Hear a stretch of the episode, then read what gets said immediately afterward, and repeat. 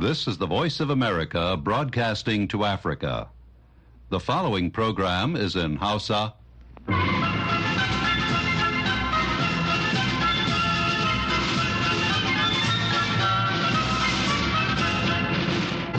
Sashen Hausa na muryar Amurka ke magana daga nan birnin Washington DC.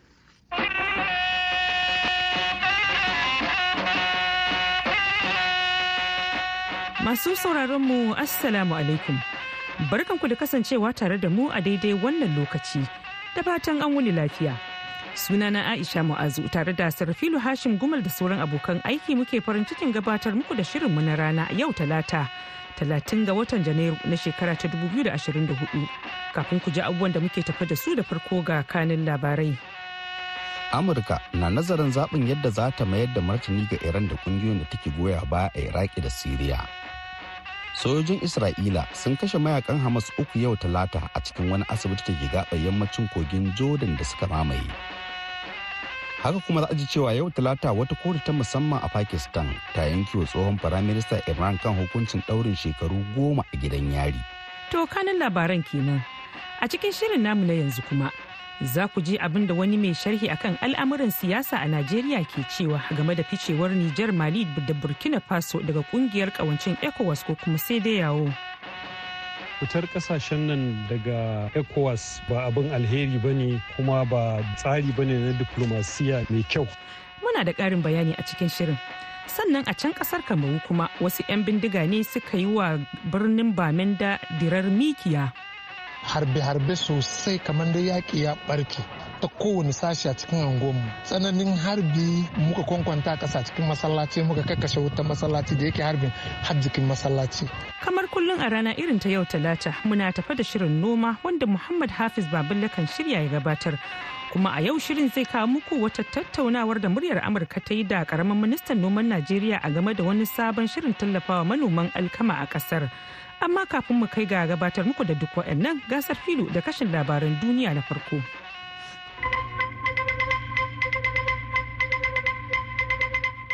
jama'a salamu alaikum. Ga labaran duniya. Amurka na nazarin zaɓin yadda za ta mayar da martani ga iran da ƙungiyoyin da take goya ba a iraki da siriya. Biyo bayan wani mummunan harin da aka kai kan wani sansani da ke arewa maso gabashin jordan. Yayin da kuma take ƙoƙarin tantance yadda jirgin ya samu damar kutsa kai daga tsaron samarin samaniyar sansanin. Da yammacin jiya litinin jami'an amurka sun ce wasu sojojin ruwa guda uku da ke aiki tare da kamfanin injiniyoyi na 718 da ke port mo na jihar georgia sun mutu a lokacin da wani jirgi mara matuki ya kai hari a rukunin gidajensu da ke tawa 22 wani sansanin hada-hadar kayayyaki da ke kusa da kan iyakar syria da ke da hannu wajen daidaita ayyuka da kuma yaƙi da ƙungiyar ta'addanci ta isis. Wani jami'in amurka wanda ya zanta da murya amurka bisa sharaɗin sake sunansa domin tattauna abin da ya faru ya ce da alama jirgin mara matuki ya samu sa'ar kutsa kai cikin tsaron amurka inda ya tunkari sansanin a daidai lokacin da wani jirgin amurka marasa matuki ke dawa daga wani aiki. Jami'in ya ce da alama rudani da aka samu tun farko ya haifar da jinkiri da ya ba da damar jirgin mara matuki ya shiga cikin barikin da sanyin safiya. A daidai lokacin da sojojin amurka da dama ba su fice daga harabar ba domin fara ayyukansu. Sojojin isra'ila sun kashe mayaƙan hamas uku yau talata a cikin wani asibiti da ke gabar yammacin kogin jordan da suka mamaye ciki har da wani wanda sojojin isra'ila suka ce dan ƙungiyar hamas ne da ke shirin kai wani mummunan hari. Jami'an kiwon lafiya na falastinu sun ce sojojin isra'ila sun harbe mutane uku ne bayan sun kai farmaki asibitin bin sina da ke janin wani hoton bidiyo da aka ce na'urar ɗaukan hoton asibitin ce ta ɗauka ya nuna kimanin sojoji goma sha biyu sanye da kayan aiki kamar ma'aikatan lafiya ɗauke da bindigogi suna tafiya cikin asibitin. Kamfanin dillancin labaran reuters wanda ya samu hoton bidiyon ya ce alamomin asibitin da kuma launi da tsarin kofofi da bangon asibitin da ke cikin faifan bidiyon sun yi daidai da nata hoton da ta ɗauka a baya daga asibitin Nan ba da jimawa ba Sarfilu zai dawo ya karanto mana sauran labaran. Yanzu dai za mu buɗe taskar rahotanninmu daga yammacin Afirka. Najeriya ta yi alawadai da ficewar jamhuriyar Nijar Mali da Burkina Faso daga ƙungiyar kawancin ECOWAS ko kuma sai dai yawo duk da cewa ya zuwa yau litinin ƙungiyar ta ce ba ta samu wata sanarwar ficewar ƙasashen ba. Ga dai wakiliyar muryar Amurka Madina Dauda da ƙarin bayani a cikin wannan rahoto da ta aiko mana daga Abuja. Wata sanarwa da ke ɗauke da sa hannun kakakin ma'aikatar ƙasashen wajen Najeriya, Francisca Omayuli, ta nuna cewa ma'aikatar tana marawa ƙungiyar ECOWAS baya, inda ta ce ƙungiyar ta yi namijin ƙoƙari wajen ganin an samu zaman lafiya da wadata da ɗorewar dimokuraɗiyya a yankin Afirka ta yamma a tsawon rabin ƙarni. Omayuli ta ce Najeriya na goyon bayan ƙungiyar ECOWAS ɗin ne domin jaddada tsarin da ya dace da kuma haɗa ƙarfi da ƙarfe wajen kare 'yanci da walwalar ɗaukar lokacin 'yan ƙasashen mambobin ƙungiyar goma sha biyar. Umayuli ta ce Najeriya ta yi aiki da gaskiya da aminci don tuntuɓar dukkan 'yan uwa na ƙungiyar don magance matsaloli da ake fuskanta. To sai dai kwararre a fannin diflomasiyar ƙasa da ƙasa kuma malami a jami'ar Abuja Dr. Faruk Bibi Faruk ya yi nazari cewa. Gaskiya wato fitar ƙasashen nan daga ECOWAS ba abin alheri ba ne kuma ba tsari ba ne na diplomasiya mai kyau ko a ba komai dai zama tare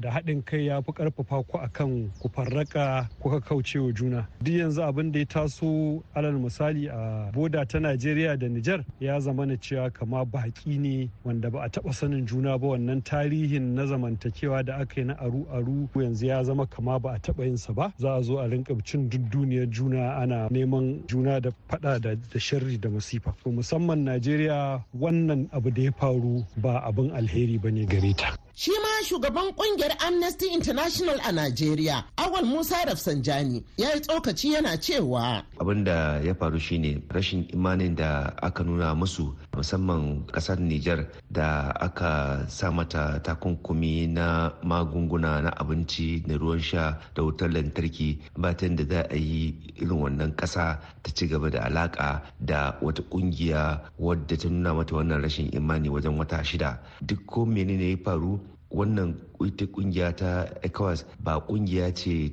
da ta zama dole da kowace ƙasa sai ta shige ta ba a wannan yanki.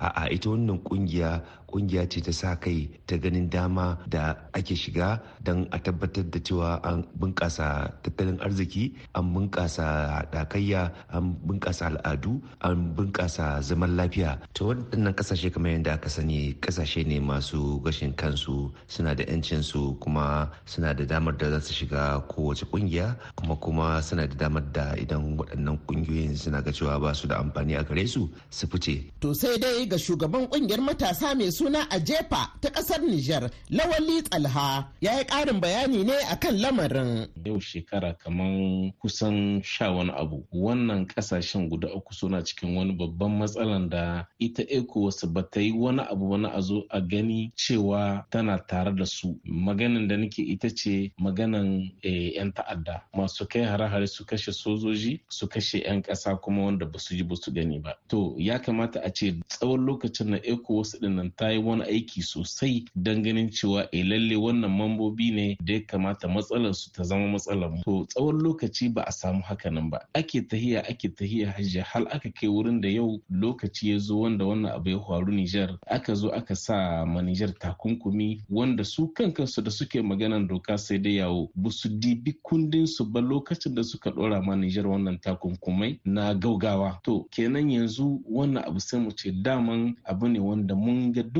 take-taken zai kawo haka nan. Abin jira a gani shine irin matakin da ƙungiyar ECOWAS za ta ɗauka idan ta samu sanarwar ficewar Nijar da Mali da Burkina Faso daga ƙungiyar mai kunshe da ƙasashe goma sha biyar daga Afirka ta yamma. Madina Dauda, muryar Amurka daga Abuja, Najeriya.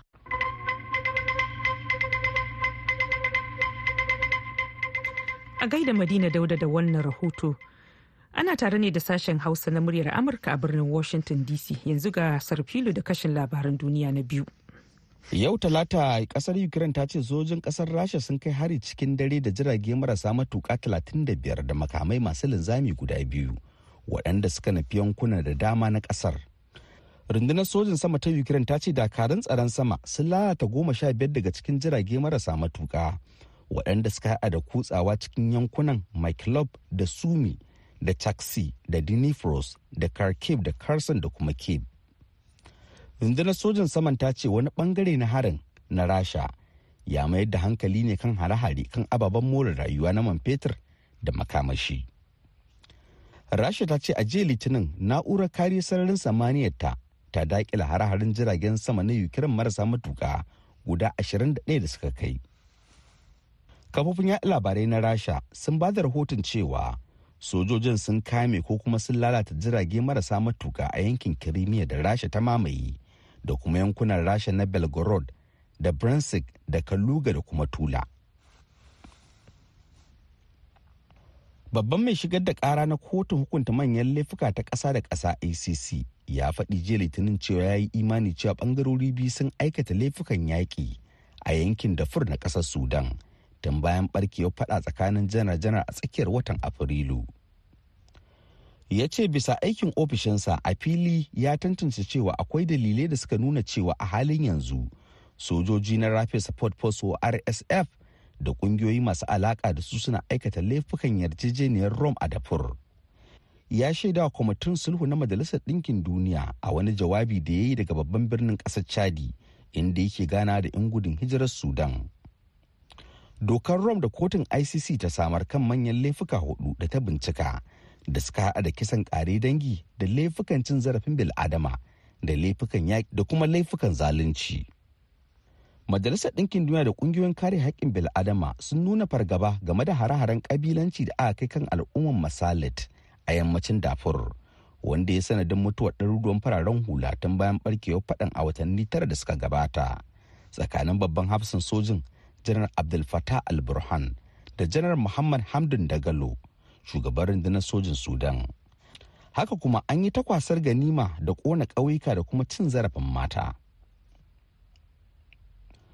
Daga ƙarshe ƙasashen tarayyar turai sun yanke shawarar amincewa da yarjejeniyar da za ta ajiye ribar da ake samu daga ɗaruruwan biliyoyin daloli na kadarorin babban bankin ƙasar rasha da ake riƙe da su a matsayin ramuwar gayya ga yaƙin moscow a ukraine.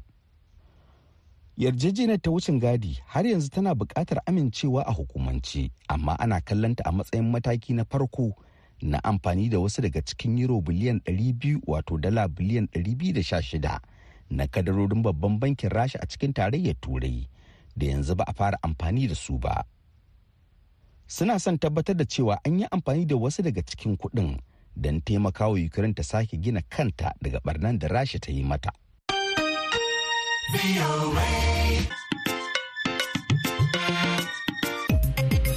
Sarfilo Hashim Gumel kenan ya karanto mana labaran duniya daga nan sashen Hausa na muryar Amurka a birnin Washington DC. Yanzu kuma sai rahotonmu na biyu wanda zai kai mu ƙasar Kamaru. Inda jihar Baminda wanda ke fama da har-harin 'yan bindiga tsawon shekaru biyar yayin da a wani ɓangaren kuma 'yan awarin wato 'yan awarin da ke amfani da harshen ingilishi ke neman su balle domin su kafa kasarsu da ake kira ambazonia. Waɗansu mutane da ba a san ko su wane ne ba sun yi wa birnin bamin da dirar mikiya tare da yin harbin mai kan uwa da wabi wanda ya hallaka mutum guda ɗaya. Wakilin muryar amurka awal garba ya aiko mana da ƙarin bayani cikin wannan rahoto. Waɗansu 'yan bindiga waɗanda ba san ko su wane ne ba sun yi wa al'umman birnin baminda diran mikiya anda suka buɗe wa al'umma wuta na harbin kan mai uwa da wabi kuma sun kai wa caji ofis caji ofis 'yan sanda farmaki anda suka kwashe sama da awoyi uku suna ta harbe harbe. Mutum guda ne dai ya rasa rayuwarsa ta ɓangaren fararen hula. Alhaji mutari baminda ya yi mana ƙarin haske. Muka so mu jin harbe-harbe na bindiga. Harbe-harbe sosai kamar da yaƙi ya ɓarke ta kowane sashi a cikin angonmu tsananin harbi ya yi har daga idar da sallah muka kwankwanta kasa cikin masallaci muka kakkashe wutan masallaci da yake harbin har jikin masallaci ya taba akwai yaro da ake kiran shi hamisu bai da cikakken hankali haka amma ya fito shi ma suka harbe shi. Har hanjinsa suka fito a ƙasa. Mun kai shi asibiti daga asibitin general hospital ba samu wani masa yake ba muka kai sa kuma st blaise a nan ya cika kamar ƙarfe ɗayan dare. Yau nan da safe sojoji ba su bar mutane ma sun tafi ta kasuwa ba. Da yake dama ta wajen commercial avenue nan kusa da angon hausawa ne kusa da old town inda aka yi ta harbe harben nan. Domin wajen da muke magana angon hausa muke magana. An buga mana wannan bomba wanda ya tashi ya kona kantuna fiye da goma sha biyar. To saboda hakan nan mutane wanda suke fita ta fita kasuwa duk an hana su shiga kasuwa. Mu kuma da muke na unguwa kowa na zaune ne hakan ne yana kallo yadda Allah zai da mu. Wani kofur ɗin sojan ƙasar ta jamhuriyar kamaru wanda ya yi nemi saka yi sunansa. Ya ce shi kan bai san yadda wani al'amarin ya faru ba. Eh to a matsayina na jami'in tsaro a nan birnin baminda wannan lamarin da ya faru a gaskiya dai mu gaskiya ya taba mu sosai. Ya fito mana ta inda ba mu taba tsammani ba. Amma insha Allah za mu yi duk iya bakin ƙoƙarin mu na ganin cewa wato ainihin mun magance wannan matsalar. Domin mu a taƙaice ma ba mu san ma da wa ainihin muke faɗa ba. Ba mu sani ba gaskiya. Amma duk iya bakin ƙoƙarin mu za mu yi. Kamar yadda muka ɗau alkawari ni da yan uwana za mu yi duk iya bakin ƙoƙarin ƙoƙari za mu ga wato hanyoyin da ya kamata mu bi domin mu shawo kan kan ainihin kan kan lamarin insha Allah. Wani al'amarin da ya faru a yanzu haka a ɓangaren na yan aware dai yana sake ruruwa. Kwanaki biyu da suka shuɗe sai da waɗansu fashewan bamamai suka faru a yayin da ake gudanar da bukukuwan mata. An da sojan ƙasar guda ɗaya shi ma ya kwanta dama da dama kuma suka jikkata. Sannan a garin gallim da ke kan iyakan jihar baminda da kuma jihar yammacin ƙasar ta jamhuriyar kamaru. Yan bindiga sun kai farmaki anda suka kashe jandarmomi guda biyu da 'yan sanda guda biyu da kuma wani farin hula guda ɗaya muhammad awal garba muryar amurka daga ƙasar kamaru. A gaida awal garba. To kada a sha'afa sashen Hausa na muryar Amurka ake saurare daga nan birnin Washington DC kai tsaye akan mitoci 1625 da kuma 31. A jamhuriyar Nijar kuma ana iya sauraron mu a tashar VOA Africa a mita 200.5. Sannan a duk sa'ad da ake so ana iya zuwa adireshin mu na yanar gizo a www.voahausa.com domin sauraron wannan shirin da ma waɗanda suka gabata. Yanzu agogonmu a nan Washington DC na cewa ƙarfe 10 da minti 17 na safe. Ga shirinmu na gaba. Noma tushen arziki. Noma tushen arziki. Noma sannadi na cigaba. Noma tushen arziki. Jama'a assalamu alaikum. Barkanmu da warhaka. Barkanmu da sake saduwa a shirin noma tushen arziki. Wanda ni Muhammad Hafiz Baballe ke gabatarwa. Karmu wanda baya shi ne ta da mu. Sannadi na arzikinmu shi ne uwa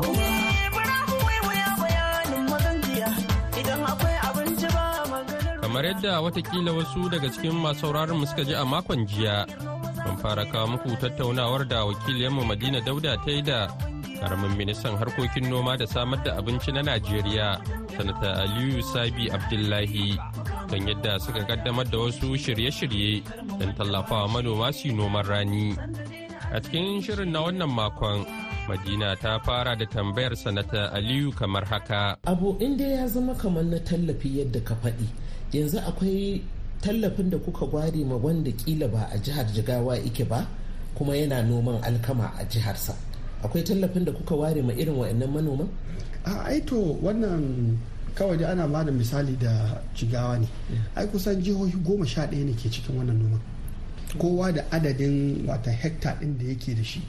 Niger tana ciki kebbi tana ciki sokoto tana ciki kaduna tana ciki bauchi tana ciki kano tana ciki. Yobe tana ciki. Borno? Tana ciki. To saboda haka duk inda suke da watan yanayi da za a iya annoma alkaman sun shiga. Sai dai kawai kamar da muka faɗa jiga ne ke da mafi yawa. Mafi yawa. Hekta nawa gare ta?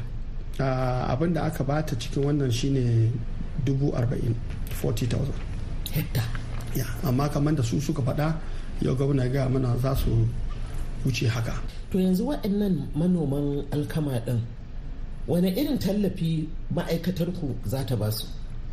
An riga an ba su wannan tallafi tun da sun riga sun je gona kuma sun riga sun shuka. Mun ba su iri na alkama free. Kyauta. Kyauta. Sannan an kuma ba su taki an ba su watan maganin kwari da kuma maganin uh, shuka. Ko? Duk wa'annan sannan kuma an koyar ma masana wanda za su ta yi musu bita don nuna musu yadda ake yin abubuwan da na gonan yake. Duk wannan mun ɗauki nan wa'annan abubuwan kuma suna na ana yi. Kamar shi jigawa su gwamna su ma sun ƙara saboda su sun ɗauki abin da muhimmanci ƙwarai da gaske. So su ma sun ba da nasu irin tallafi. To abin da nake so in sani shine wannan iri da kuka ba su na alkama an inganta irin ne kafin ku ba su ko dai irin alkaman da muka saba ci a wannan ingantaccen iri ne da aka kawo daga mexico. Shi aka ba manoma. Shi aka ba kuma ya karbu wajen noma. ya karbu. Alhamdulillah bayanan da muke samu kawo yanzu yawanci an samu tsiro sun tsiro kuma gaskiya muna kyautata tsammanin insha Allah za a samu nasara. Ya alakar ku da ƙungiyoyin noma a wannan kasa a game da noman ranin nan da yanzu muka shiga? Eh to muna da kyakkyawan alaka da su saboda daga jihohinsu suna da kungiyoyinsu kuma muna ma'amala da su. Mun ba su dama don su kintsa kansu kuma su tabbatar cewa manomansu ne. Duk da cewa dai mun san akwai matsaloli da ba za a rasa ba saboda wasu ba su da gonan kuma suna cikin ƙungiyar amma su manoman da kansu sun yarda cewa lalle duk wannan za su tantance su tabbatar duk wanda za su shiga cikin wannan program manoma ne kuma suna da gonan su kuma a shirye suke su yi noma mu kuma abin da muke so kenan. Don ba ma son irin abun da ya faru a baya mutum ya ce yana da hekta dubu goma a ɗibi tallafin dubu goma hekta dubu goma a bashi ko hekta ɗaya bai ba. In ya so a shige da kayan kasuwa. To mu duk wayan abubuwan muke ƙoƙarin mu magance. Insha Allah. Akwai waɗanda kuka ce kun ɗauka na musamman da za su yi waɗannan ayyukan.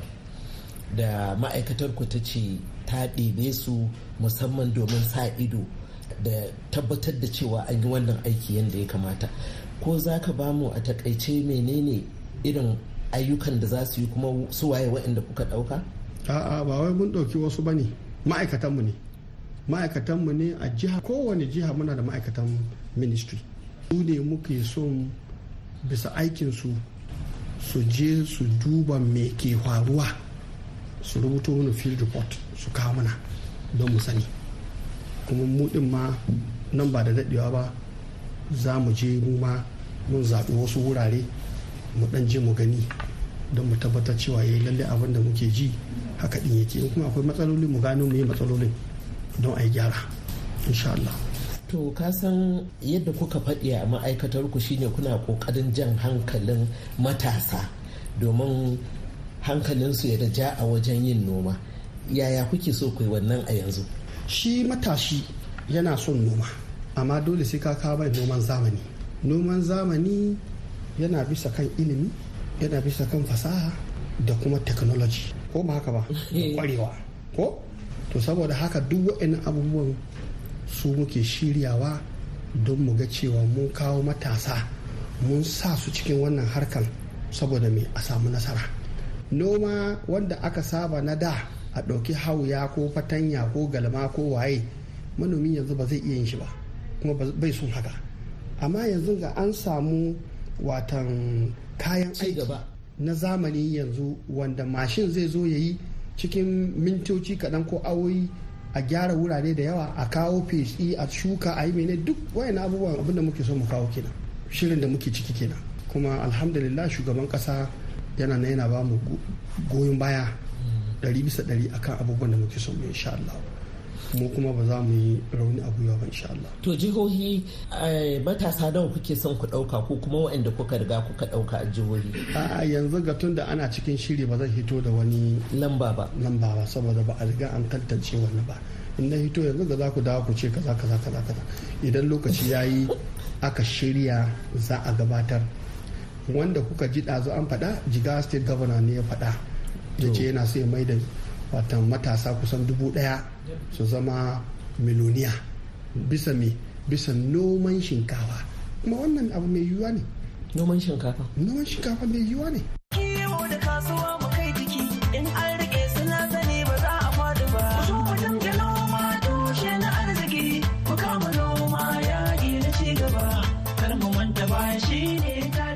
Kuma sai sashen kasuwa inda za mu leƙa kasuwar area 11 da ke abuja babban birnin tarayyar najeriya domin jin farashin kayayyakin masarufi a wannan makon. Sunana haruna umar A wani kasuwa kake nan? a kasuwan iralabu Me da me kake saidawa? ina sai da kayan miya Kayan miya. tumatir tattasai albasa attaruhu da kuɗewa To ganin cewa yanzu kaka ce shin nawa kuke saida? to alhamdulillah gaskiya a wannan lokacin da ba mu taɓa samun lokaci irin wannan ba domin wani lokaci yanzu kaka kaya yana sauka to amma yanzu gaskiya ba magana sauka kaya ƙara kuɗi ma yake To, to mu fara daga wannan Ah. ƙaramin robar. Nawa kenan? wannan ƙaramin roba da muna sai da shi bai wuce ɗari biyu amma yanzu ɗari biyar muke sai da shi Wannan fa. Wannan muna sai da shi naira dubu biyu dubu ɗaya da ɗari biyar amma yanzu dubu uku muke saiwa da ɗari biyar Dubu uku da ɗari dubu biyar. uku da ɗari biyar Tumatir. tumatir To albasa fa. albasa muna sai da ita naira dubu huɗu wanda da ita ma ba ta wuce dubu biyu da ɗari biyar dubu biyu Tattasai fa. yawa ta sai shi ma kuɗin su da tumatir Dubu uku da ɗari biyar. dubu uku da ɗari biyar A tarugu fa. a tarugu yau inda ma muka sai inda muka auna shi zai ta san mana akan dubu huɗu huɗu ne ma kowane basket irin wannan saboda ba abun ma da kai daraja yanzu a kayan Ana Ibrahim Muhammad Lawan. Da me da me kake saida? Kuka sai da shinkafa da wake da gari da gero magi da su manja har da man gyada. Na'am. To yanzu bari in ji. Na ga buhunan shinkafa ga sunan iri biyu daban-daban. To wannan ƙarami kenan? Wannan ƙarami ne Kilogram nawa? ashirin da biyar. Nawa yake yanzu? La yanzu yana naira dubu ashirin da takwas. Kafin yau nawa yake da? Kafin yau dan a ce ma wata ɗaya da kafin wata ɗaya sabon shekarar nan mukan sai da shi naira dubu ashirin da biyu ashirin da ɗaya da ɗari biyar. Yanzu sai zama ashirin da takwas. Ya zama ashirin da takwas. To wannan babban fa. Shi kuma wannan babban yanzu naira dubu hamsin da biyar. Wanda kafin sabuwar shekarar nan naira dubu arba'in da uku za ka same shi. To mu zo ga wake. Nawa wake? Na ga kana da su kala biyu da fari da ja. Akwai fari akwai ja. Shi wannan farin kafin sabuwar shekarar nan mukan sai da shi mudin shi naira ɗari tara ɗari takwas. Amma yanzu naira dubu ɗaya da ɗari uku. To jan fa. Shi ma haka. Masu sauraro a nan za mu dasa a cikin wannan shirin namu. Idan Allah kai mu makon gobe za mu kawo muku ci gaban tattaunawar. Yanzu a madadin dukan waɗanda kuka ji muryoyinsu da ƙaramin ministan harkokin noma da samar da abinci na Najeriya sanata Aliyu Sabi Abdullahi da wakilin Abuja Madina Dauda da kuma Julia Leathers Gresham da ta taimaka ta haɗa mana sauti da ba da umarni. Ni Muhammad Hafiz Baballe ke sallama da ku daga nan sashin Hausa na murya Amurka a birnin Washington DC sai wani makon idan Allah ya kai mu. An gaida Hafiz. Yanzu kafin mu naɗe tabarmar shirin gasar fili ya sake dawa da labarai a taƙaice. Amurka na nazarin zaɓin yadda za ta mayar da martani ga iran da ƙungiyoyin da take goya ba a iraki da siriya. Biyo bayan wani mummunan harin da aka kai kan wani sansani da ke arewa maso gabashin jordan. Yayin da kuma take ƙoƙarin tantance yadda jirgin ya samu damar kutsa kai daga tsaron samarin samaniyar sansanin. Da yammacin jiya litinin jami'an amurka sun ce wasu sojojin guda uku da ke aiki tare da kamfanin injiniyoyi na 718 da ke port mo na jihar georgia sun mutu a lokacin da wani jirgi mara matuki ya kai hari a rukunin gidajensu da ke tawa 22 wani sansanin hada-hadar kayayyaki da ke kusa da kan iyakar syria da ke da hannu wajen daidaita ayyuka da kuma yaƙi da ƙungiyar ta'addanci ta isis. Sojojin isra'ila sun kashe mayaƙan hamas uku yau talata a cikin wani asibiti da ke gabar yammacin kogin jordan da suka mamaye ciki har da wani wanda sojojin isra'ila suka ce dan ƙungiyar hamas ne da ke shirin kai wani mummunan hari. Jami'an kiwon lafiya na falastinu sun ce sojojin isra'ila sun harbe mutane uku ne bayan sun kai farmaki asibitin bin sina da ke janin yau talata wata kotu ta musamman a pakistan ta yanke tsohon firaminista imran khan hukuncin daurin shekaru goma a gidan yari bisa zarginsa da cewa a lokacin da yake kan karagar mulki ya bayyana sirrin ƙasa da suka shafi afirka. Shi ma tsohon ministan harkokin wajen khan shah mahmud qureshi an ɗaure shi na tsawon shekaru goma a shari'ar ta samo asali daga kare sirrin ƙasa wadda aka fi sani da sifa Masu sauraro da takaitattun labarin muka kawo ƙarshen shirin namu na yanzu. Amma idan Allah ya kai mu zuwa can an jima da misalin ƙarfe tara da rabi agogon Najeriya, Nijar, Kamaru da Chadi. Wanda ya daidai da ƙarfe takwas da rabi agogon GMT da Ghana za mu sake dawowa da shirinmu na dare. Yanzu a madadin Sarfilu Hashin Gumal wanda ya taya ni gabatar da shirin da kuma Julie Leathers Gresham da ta shirya ta ba da umarni sai kuma wanda ya sada mu da ku Mr. Chang. ni aisha mu'azu ke cewa ku dakaci shirin yau da gobe kuma a ƙara sauni lafiya.